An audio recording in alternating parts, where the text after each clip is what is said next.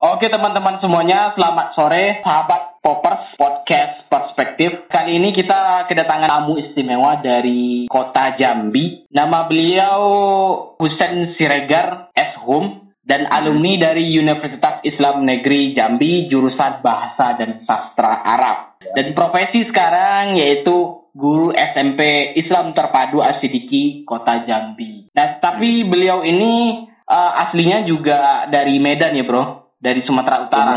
Asli Sumatera Utara. Ah, Sumatera Utara karena ada siregarnya di belakang. Oke, okay. uh, teman-teman semuanya, Mr. Husen ini tamat S1 dan mau ngambil S2 di luar negeri, yaitu Timur ya Timur Tengah. Kemarin sih katanya di Qatar ya, Bro? Iya, pengennya di Qatar sih ya. Betul. Ya. Tapi ya pengennya sih yang penting daerahnya itu ya negaranya itu kan berbahasa Arab gitu kan, biar kita kayak native ngomong Arab gitu kan. Oh, siap, siap, siap. Mudah-mudahan lulus di sana, Bro, dan jangan lupa sama kita-kita di sini. Oh, iya, enggak lupa lah. uh, teman-teman semuanya, selain Mr. Husen ini jago dalam bahasa Arab, beliau ini juga jago dalam bahasa Inggris karena kita bertemu di kampung Inggris beberapa bulan yang lalu dan pertama kali ngomong sama beliau ini luar biasa dalam bahasa Inggrisnya karena oh. apa ya kita karena pintar juga sih. Ya gitulah. Bisa lah nimbang nimbang sedikit sedikit bisa lah uh. walaupun nggak mesti gitu kan. Ah, siap siap. Mudah-mudahan nak lulus di sana ya bro? Di Qatar atau di Timur Tengah sana. Amin Allah amin. Jangan dan jangan lupa uh, apa namanya kewajiban selanjutnya menyempurnakan setengah agama itu. Uh, itulah. Itu sama tahu lah kan? Siap siap. Uh, gini bro kita kan sama-sama tahu nih COVID-19 atau virus corona ini sudah mewabah beberapa bulan yang lalu dimulai dari negeri Cina, negeri tirai bambu di kota Wuhan, Provinsi Hubei. Kemudian mewabah ke negeri-negeri tetangga seperti Jepang, Korea Selatan, kemudian beberapa negara Eropa, dan juga sampai di Asia Tenggara seperti Malaysia, Indonesia, Singapura, dan Filipina, dan lain sebagainya. Nah, kita sama-sama tahu uh, virus corona ini virus yang mematikan ya bro. Betul, betul dibilang persentase mematikannya memang dia lebih cepat kepada penyebaran daripada kematiannya. Oh iya sih, lebih cepat mewabahnya kan? Ya, masyarakat gitu. Saya baru baru baca berita juga nih bro dari CNN update 25 Maret 2020 bahwasanya ada 709 kasus dan 58 orang meninggal dan 31 dinyatakan sembuh. Nah ini dari hari ke hari kayaknya kasusnya makin bertambah ya bro. Iya meningkat ya karena itu memang penyebarannya dia cepat sekali kan. Iya betul. Gitu. Nah karena Ustaz Husain ini tamata dari Universitas Islam Negeri uh, Jambi iya. makanya kita undang untuk ngobrol iya, seputar COVID-19 dalam pandangan dunia Islam. Siap. siap siap. Nah, langsung saja nih teman-teman, karena COVID-19 ini merupakan virus yang baru dan belum ada sebelumnya uh, kasus-kasus uh, virus seperti ini dan tahun inilah tahun 2020 uh, dinyatakan kasus pertama COVID-19 tersebut. Begini nih Mr. Husen. Nah, gimana gimana uh, gimana gimana. COVID-19 ini dalam perspektif Islam itu seperti apa? Apakah ini bentuk dari azab dari Allah Subhanahu wa taala atau memang ya secara alami gitu? Hmm Gimana? Jadi gini ya, ini kawan-kawan semua dan Bro Wanda ya. Siap. Jadi apa namanya ya? Wabah ini bukan hal yang pertama dialami oleh umat Islam ya. Iya. Mungkin ya sudah sering ya kawan-kawan semua mendengar mungkin atau menonton video yang disebarkan oleh masyarakat luas. Uh-huh. Di zamannya Umar bin Khattab, saat itu Suriah dan Lebanon, Yordania itu dikuasai oleh umat Islam. Iya, betul saat Umar bin Khattab datang ke sana, ternyata masyarakat di sana ada wabah. Oh. Penyakit semacam dia tumbuh cacar di, di tubuhnya itu dan mudah menyebar ke ini apa namanya? ke manusia samping-sampingnya gitu. Oh, yang iya. yang yang bersalaman pokoknya bersentuhan langsung menyebar gitu, cepat menyebar. Mm -hmm.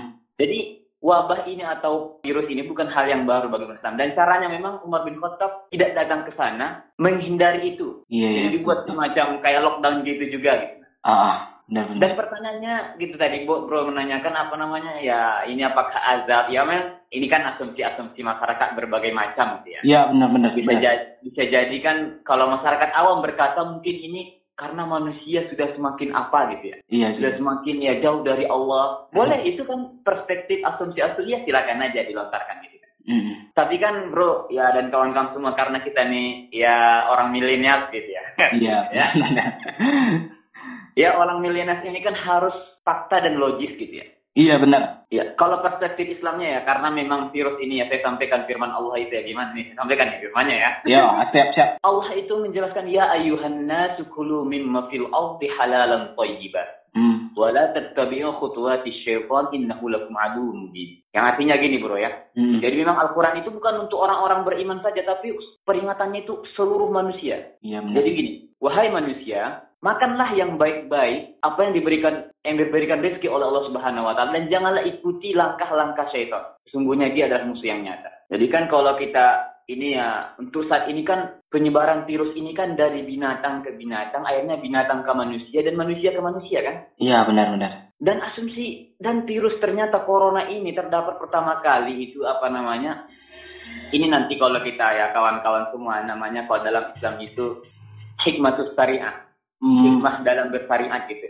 Hmm. Jadi kan Islam melarang seperti ternyata di Hubei apa namanya tadi apa namanya Wanda tadi? Nah, Eh, daerahnya tadi di kota Wuhan, Wuhan, provinsi apa tadi? provinsi Hubei. Iya, di situ ada kan pasar ekstrim gitu ya. Iya benar benar. Nah, pasar ekstrim yang menjual hewan-hewan memang yang yang langka memang tidak wajar dimakan seperti itu gitu Iya. ya. Dan ini menurut saya perspektif Islam karena melarang ini kan melarang memakan hal apa namanya makanan-makanan yang seperti ini ya. Hmm. Kalau dalam Islam itu kan, kalau mungkin ya Bro Wanda sudah tahu ya, tidak boleh bertaring, bercakar gitu kan, hidup dua alam gitu kan. Benar benar. Mungkin ya kalau saya menganggap ini semacam, kalau dari perspektif Islam, dan ternyata di, memang diteliti dari dunia dokter kedokteran gitu ya. Ah. Ternyata memang tidak bagus melihat ini gitu. ah. Seperti itu gitu ya. Oke siap. COVID-19 eh, 2020 ini di dunia saat ini mewabah kasus pertama kali di Wuhan kemudian menyebar ke seluruh dunia dan khususnya di Indonesia sekarang eh, menurut perspektif Mr. Hussein Siregar nih social Iya. distancing untuk eh, masjid ditutup kemudian tidak ada sholat Jumat kemudian Iya, betul, ada betul, sholat betul, iya. jamaah itu bagaimana sih sebenarnya kalau misalkan dibawa ke masyarakat umum seperti kita saat ini sedih juga sih karena kita nggak bisa sholat berjamaah dan sholat Jumat berjamaah dan juga apa namanya berkumpul dan berkegiatan di masjid juga dibatasi gitu menurut pandangan Mr. Husain ini ini gimana? Ya sebagai ini ya bro ya, untuk kawan-kawan semua juga mungkin ya, kawan-kawan muslim lainnya. Ini Mhm. sangat dilematis juga ya. Mhm. Tapi ini kan kembali tentu kan Islam itu komprehensif dan kompleks dari menyeluruh gitu. Jadi eh, membahas semuanya gitu ya. Mengenai social distancing ini dan pelarangan ibadah itu kan. Aha. Jadi kalau bro kalau bro Wanda dan kawan-kawan tahu dalam Islam itu ada namanya darurat. Darurat. Ya. Iya. Kalau ilat darurat, kecuali dalam darurat. Eh, memang sih kita dilematis untuk kadang-kadang ya ada orang tua yang tidak bisa dibilangin seperti apa gitu ya Mhm. karena memang dilarang di masjid dan dia mengatakan ini PKI ini katanya ya. Iya iya iya. ini yang melarang sholat ini PKI ini katanya padahal sudah jelas itu fatwa MUI kalau darurat itu ya kawan-kawan kalau kawan-kawan tahu semuanya dan berwanda Iya. kalau kita dalam keadaan darurat makan babi pun boleh Nah, makan yang haram aja boleh kalau keadaan da- udah lapar sekali nih kan gimana kita terlantar di hutan gitu kan Iya iya. Ada mungkin makanan memang yang enggak tahu gimana harus boleh kita makan Iya iya di, iya. di Al-Quran juga ada gitu kan Iya benar. maita tawaddamu walahmal khinzir gitu kan. Mhm. Kemudian yang terakhir itu nanti kan kita memakannya itu membenci tapi karena untuk asupan badan kita gitu. Darurat gitu. Jadi memang kalau Islam yang memandang ini karena ini posisinya darurat. Ah.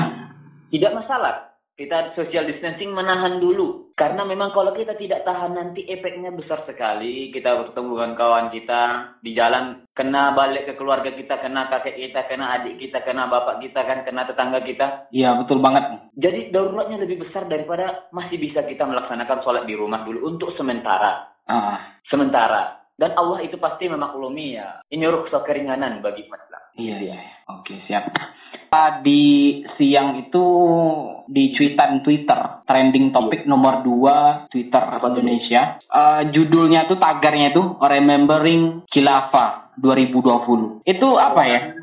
Katanya sih ada Hmm. sebagian uh, ustadz-ustadz uh, sebut saja seperti Ustadz Zulkifli mengatakan ini adalah akhir zaman, kemudian uh, tanda-tandanya itu seperti Ka'bah sudah mulai ditutup, kemudian seterusnya itu barulah muncul khilafah. Ini seperti perspektif Mr. Hussein sendiri gimana sih sebenarnya? Kadang masyarakat berpikir ini bahwasanya ini tuh uh, muncul khilafah setelah ini dan akhir zaman seperti itu. Ya, kalau mungkin ya ustadz-ustadz sekarang mungkin ya lebih paham ya keilmuannya lebih dalam ya dari saya gitu kan. Tapi mengenai kenapa masjid kan kita harus kalau kan untuk generasi milenial ini kan paling cara berpikirnya sangat sangat filosofis dan logis gitu ya. Iya benar-benar. Ya dan Islam sangat menerima itu semua yang kebaikan dan yang baik itu dan masuk akal itu Islam tidak bertentangan dengan itu. Pasti Islam itu apa namanya? cocok dengan zaman gitu. Iya, benar. Bukan bukan jam bukan Al-Qur'an atau syariat Islam itu yang mencocokkan dengan zaman, tapi memang zaman itu selalu selaras dengan Islam itu sendiri gitu. Islam itu. Iya, iya. Kalau kawan-kawan semua mungkin yang menganggap atau mungkin ada ustadz-ustadz yang mengasumsikan kiamat itu sudah dekat ya kalau ada dalil-dalil saya akan terima gitu kan karena hmm. tandanya katanya Ka'bah dan Madinah udah kosong kalau itu menurut saya kurang masuk akal untuk saat ini gitu kan hmm sebab musababnya Makkah dan Madinah itu kan untuk kebaikan. Umat kalau memang bayangkan kalau seluruh dunia datang ke situ dan ternyata cuma orang Korea yang kena di situ dan menyebarkan itu dan sesudah itu pulang ke negara masing-masing tersebar virus itu. Uh. Bayangkan berapa juta yang akan kena gitu. Iya benar-benar. Kalau memang itu ya perspektifnya tanda itu kan sebagai tanda-tanda. Mm. Teguran dari Allah, wallahu a'lam gitu kan ya. Yeah. Tentu ini pasti pasti teguran kan setiap wabah dan musibah itu kan ada ada tiga dia sebenarnya kan? Iya. Ada tiga tanda. Yang pertama biasanya kalau Allah mengirim musibah atau wabah itu satu dia ingin mengujinya. Iya benar-benar. Ingin menguji umat manusia apa nama Islam. Uh-huh. dan yang kedua apa namanya ingin mengazabnya. Memang ingin diazab karena memang sudah sudah dibilang jangan dimakan yang ini jangan masih dimakan masih juga dimakan gitu kan iya iya iya iya jangan berbuat seperti ini jangan menembaki jangan membuat onar jangan buat bom hmm. jangan membuat masih juga Allah azab itu. Iya, Dan yang terakhir ini yang paling parah ya. Uh-huh. Allah ingin memusnahkan kita gitu ya. ya pertanyaannya, pertanyaannya juga gitu kan, kenapa kita harus kena yang tidak memakan, iya, yang benar, tidak benar. memakan kelelawar, yang tidak memakan tikus gitu, yang tidak makan ular, kenapa kita kena? Iya. Gimana menurut bro gitu nah? Susah banget dijawab nih. Iya, kalau menurut saya kenapa kita kena? Kan itu sudah kita tahu kesalahan kan. Uh-huh. Ternyata bro, kalau kesalahan kita nampak dan mendiamkan kesalahan itu itu kesalahan juga. Dapat poinnya ya? Iya benar-benar benar. kita memang ya nggak makan itu, tapi memang kita tahu itu ada di mana, tapi ya mungkin ikhtiar kita untuk melarang itu belum seperti apa. Iya benar-benar. Boleh saya bercerita sedikit nih bro? Iya boleh boleh, silakan. Jadi gini bro kan ketika umatnya Nabi Musa ini menanya kepada Nabi Musa kan. Iya benar. Wahai Musa, kok kami ini kena azab juga? Bahkan cuma Fir'aun yang kena katanya kan? Yang sebenarnya yang bertaat kepada Allah gitu kan? Kami kan taat kepada Allah tapi kok kami kena juga azab yang menimpa kodok yang banyak dan semuanya yang rugi panen semuanya gitu kan? Musa berpikir iya kenapa gitu? Nggak masuk akal ya Allah gitu. Kok bisa gitu juga? Ini dengan hmm. perbandingan lah. Iya benar. tadi itu kan? Ya mungkin ya kawan-kawan juga supaya ya memikirkan karena kita kan milenial milenial ya bro iya iya ya disampaikanlah akhirnya Musa ya Allah berfirman kepada Musa datang untuk ke bukit Tursina gitu ya. Iya. Ternyata ya di bukit itu Allah itu luar biasanya hikmah yang diberikan Allah SWT. Dengan izin Allah Musa itu digigit gitu ya, digigit semut. Iya. Kira-kira reaksi seorang Nabi Musa itu ketika digigit semut langsung diinjak-injaknya semuanya semut. Padahal cuma satu yang gigit gitu. Iya benar-benar. Jadi ini kan apa namanya ya intinya itulah pelajarannya yang disampaikan Allah kepada Nabi Musa. Contohnya saat itu kepada kita saat ini kondisinya gitu. Uh -huh. Bisa jadi karena kita mendiamkan kesalahan ini cuma saat beberapa segelintir orang uh -huh. melakukan kesalahan yang sebenarnya itu dilarang Allah dan yakinlah setua semua hikmah yang dilarang dan yang dibolehkan oleh Allah itu ada hikmah kebaikan-kebaikan yang terkandung di dalamnya. Allah alam. iya iya iya benar-benar. Berarti setiap kita punya kewajiban untuk berdakwah, bertutur kata untuk menyampaikan saran gitu atau nasihat gitu ya, Bro. Betul, betul sekali, Bro. Siap, siap. Uh, solusi bagi umat Islam sendiri itu seperti apa menurut Bro? Menurut uh, Mr. Hussein sendiri seperti apa sih solusi bagi umat Islam untuk menangkal virus ini atau mungkin untuk supaya virus ini nggak terlalu mewabah ke penjuru negeri gitu. Oh, ya bro karena kita sebagai seorang muslim bro Mm-hmm. Karena sudah sudah pernah berpengalaman dapat kita kan perlu sangat belajar, sangat-sangat belajar dari sejarah gitu ya. Mm-mm.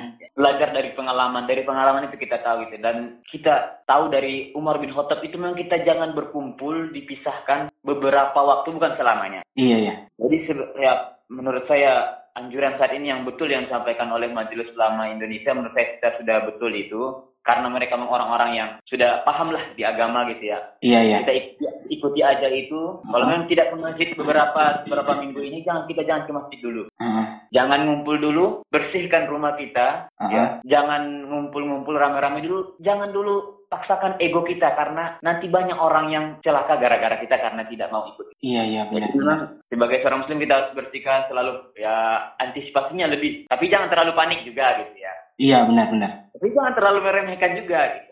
Betul kan? Iya iya. Bro. Eh gini bro, apa namanya? Eh, menurut Islam sendiri itu kekuatan doa itu luar biasa ya bro dalam Islam. Doa itu adalah senjata bagi kaum muslimin mengajar musuh-musuhnya. Baik itu dalam peperangan gitu.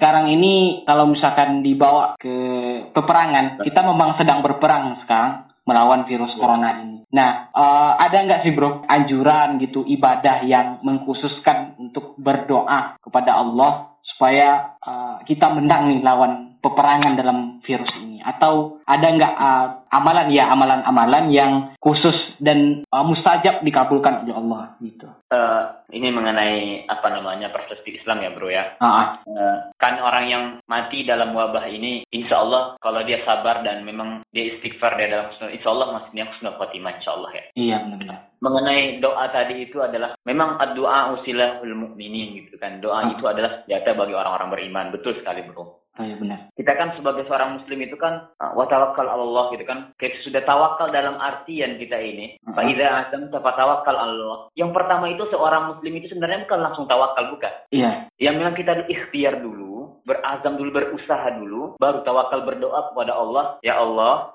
aku sudah melaksanakan seperti di Allah. Kalau memang kehendakmu ya Allah seperti ini, Mhm. dan memang aku terima ya Allah. Seperti dalam konsep seorang muslim ya.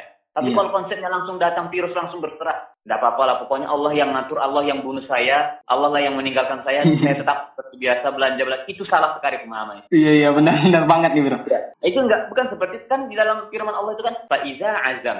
Tawakal Allah. Kamu berazam berusaha berikhtiar dulu baru. Ah, itu baru tawakal pada Allah. Iya benar-benar. Jadi kalau mengenai amalan tadi itu ya doanya itu ada saya tapi saya lupa. Tapi paling ingat saya itu yang dikatakan Umar bin Khattab ya dan para sahabat lain. Ketika dalam wabah seperti ini kita disuruh banyak istighfar ya. Oh istighfar, banyak berzikir. minta ampun kan karena ini teguran yang berat bagi kita bahwasanya memang sebenarnya bro potensi membuat kita mati corona ini cuma satu persen bro tapi 99% kita potensi mati kita tiap hari bro Iya benar-benar banget, benar-benar. Ini baru benar nih. Benar banget nih untuk teman-teman yang Hmm. panik misalkan, oh ini virus corona bisa mati. Benar nih katakan oleh Mr. Husani benar. Iya saya untuk kawan-kawan lah ya bro dan semuanya ya Ya. corona ini membuat kita mati memang apa namanya potensi mati kita itu dibuatnya satu persen Iya. tapi 99 persennya potensi kita mati setiap hari Iya benar-benar. Iya, Kita nggak tahu ajal kita mau kapan Iya. Dijemput Tidak ya. tahu kita. Jadi ya kita sekarang ini ya banyak karena ini wabah memang sudah ada teguran dan potensi mati kita lebih banyak lagi gitu kan. Campur Ah. hari-harinya ya kita banyak istighfar mohon ampun kan atas dosa-dosa kita gitu kan. Jadi ini sebagai teguran supaya kita lebih dekat dengan Allah ya paling banyak istighfar dan doa minta di ada itu doa mencabut bala ya ada saya lupa tapi paling banyak istighfar ya dan membantu saudara-saudara kita mungkin yang kesusahan karena tidak bisa keluar dari rumah gitu sebagai seorang muslim gitu. Iya benar. Gitu, benar. Eh, terakhir bro, Ah gimana gimana bro?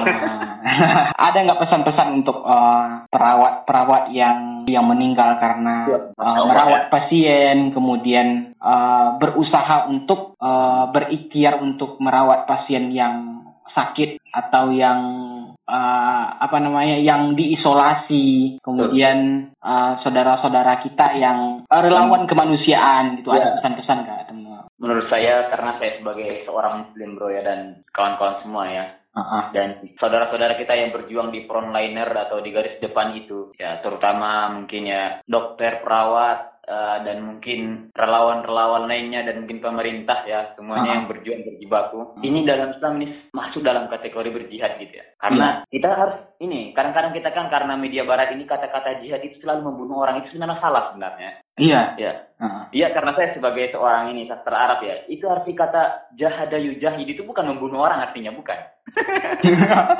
Iya, iya benar benar. Karena selama ini ketika orang mendengar jihad itu pasti bom salah. Benar. Iya, iya. Jadi sebenarnya jihad ini apa ya? Jahada yujahid itu sungguh-sungguh atau orang yang bersungguh-sungguh. Heeh. Dan orang yang bersungguh-sungguh dalam melaksanakan kebaikan membantu orang lain dan mementaskan semua masalah masalah umat itu sebut dalam jihad juga. Iya. Dan orang-orang yang meninggal dalam keadaan seperti ini insya Allah dalam perspektif Islam itu insya Allah masuk surga. Iya, iya. Luar biasa apresiasi yang sangat ya untuk saudara-saudara dokter dan perawat yang berjuang di frontliner ya. Kita harus support doakan mereka istiqomah kuat ya. Mhm. Doakan keluarganya sehat. Mungkin yang berkelebihan harta orang-orang kaya yang mampu. Kalau bisa pemerintah menambah insentif dan gaji mereka perharinya berapa? Iya, benar benar. Di- Karena mereka Dan- punya keluarga juga ya. Iya, kalau bisa gizi makannya juga lebih bagus produktif perharinya dikasih oleh pemerintah. Karena mereka ini garis depan yang menjaga kita saat ini dan menyembuhkan saudara-saudara kita yang kena. Iya, iya benar. Ya, ya kayak kalau kayak kita nih kita harus mendoakan ya. Men- Ah. Kalau mungkin ada saudara kita yang di sana kita kenal, kita telepon, kita WA, tidak usah dikunjungi tapi kan nanti kita ketemu pulang kan.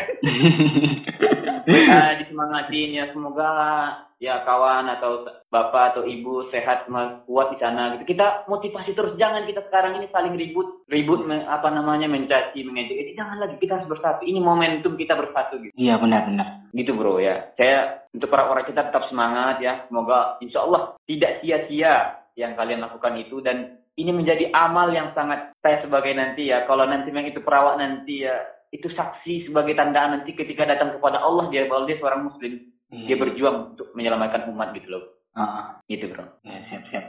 Eh, ada lagi nang itu pesan-pesan. Ya kalau untuk ya pesan terakhir untuk kawan-kawan semuanya ya heeh. eh, bro dan kawan-kawan mungkin yang mendengarkan podcastnya bro Wanda ini ya Iya. sebagai sebagai milenial kita karena sering kita menganggap ah anak muda itu nggak kena gitu katanya kan ya nggak apa-apa nanti sembuh sendiri gitu kan Iya benar benar. ini apa namanya pemikiran yang sangat egois banget sebagai ya saya sebagai seorang milenial gitu ya ah, maksudnya kaum milenial lah gitu ya. Nah, jangan kita menganggap seperti ini ya taruhlah mungkin ya kawan-kawan dan ya bro semuanya gitu ya menganggap anda tidak masalah gitu ya bukan soal andanya tapi ketika anda terkena di jalan Heeh. karena tidak mengindahkan social distancing anda pulang itu ada keponakan anda di sana ada adik anda di sana ada kakek anda di sana ada Mhm. tetangga anda di sana nantinya akan potensial terjangkit Iya iya iya. Ya, kasihan sekali seorang bayi, seorang kakek memang yang sangat lemah pertahanannya karena gara-gara kesalahan dan kebandelan Anda. Mhm. Ya, saran saya kita tetap mengindahkan ini untuk sementara kita mungkin ya, ya mungkin saya juga suka juga ngopi kan, ngumpul ngopi bareng. Ya terasa sekali saya ngumpul juga, bisa ngumpul gitu ya. Iya iya iya. Tetap Benar. juga karena mungkin karena disuruh di rumah jangan rebahan terus, tetap sholat jangan lupa gitu ya. Iya iya. iya. Ya, sesekali ya jogging olahraga nggak apa-apa, tapi ya jangan Ah. megang-megang alat alat gym gak usah, mungkin jalan di lapangan mutar balik lagi seperti tetap seperti itu. siap siap. ya. Ada lagi nang ini bro cerita atau Ya. gimana ya? Dengar lagi nggak? Itu aja baru mungkin tetap jaga kesehatan aja semuanya ya ikuti apa yang di oleh anjurkan pemerintah Mhm. tenaga kesehatan dan ulama-ulama kita yang menganjurkan ya diikuti dulu mereka lah orang-orang yang sudah pakar di bidangnya dan insya Allah itu baik Iya benar benar benar. Siap siap. Oke teman-teman semuanya, ah, mungkin itu saja dari Mr. Husen Siregar, Eshum. Iya. Luar biasa yang dipaparkan oleh Mr. Husen ini. Ah, Mudah-mudahan kita semua yang mendengar ini bisa ah, melaksanakan langsung atau mengaplikasikan dalam kehidupan kita sehari-hari ah, Eh, untuk amin. saat sekarang ini gitu. Nah, Oke. dan jangan lupa teman-teman semuanya stay at home, Ah, tetap di rumah, jaga Oh. kesehatan fisik ah, dan jangan lupa tetap sholat juga bagi yang muslim gitu kan. iya Ah, bagi yang agama lain juga tetap beribadah Mm-mm. Hmm, dan ya mungkin itu aja kali ya. siap siap bro next lah insya Allah ya Ah, siap siap. Mudah-mudahan sukses selalu nih Mr. Hussein Amin. Dan Allahumma sehat amin. selalu. Mohon doanya Ah, dan bisa sharing-sharing lagi nih kepada teman-teman semuanya tentang ilmu keagamaannya begitu luas. Aduh. Aja bro, bro. Mungkin itu teman-teman. Ah, kalau misalkan teman-teman mau ngajak diskusi lebih kepada Mr. Hussein juga bisa. Ya, Bisa melalui mungkin Instagram, WA atau Twitter atau blog juga ada mungkin ya, Mr. Ah, mungkin Iya. bisa disebutkan Mr. Hussein. Blog saya saya lupa sudah lama nggak diisi bro. Aduh. ya, atau mungkin Iya. uh, Instagram atau Twitternya ada ya. Iya. Mungkin Oh, teman-teman Instagramnya @husairsir04, Twitter juga husainsir04, Ah, uh, uh, Facebooknya Saputra Husain Siregar. Oh iya, siap. Uh, Husainsir04 ya. Kalau mau ya diskusi-diskusi nanya aja, insya Allah pasti di open sekali ya. Ah, siap, Selama siap. diskusinya positif kan. Iya, Uh, siap. Ah, Ya, mungkin mungkin teman-teman mau uh, apa namanya berdiskusi lebih kepada Mr. Offset juga bisa tadi uh, yang Mhm. disebutkan tadi uh, Twitter, Facebook, Instagram atau mungkin WA mau ditinggalin juga Mister. nanti tanya ke Wanda aja nanti ya. Oh, Wanda iya. aja nanti. Kalau ada yang mau WA ya ke Wanda aja mintanya nanti kan. Oh, siap siap. Mungkin itu teman-teman semuanya. Uh, terima kasih telah mendengarkan dan selamat sore. Assalamualaikum. Oke, Waalaikumsalam.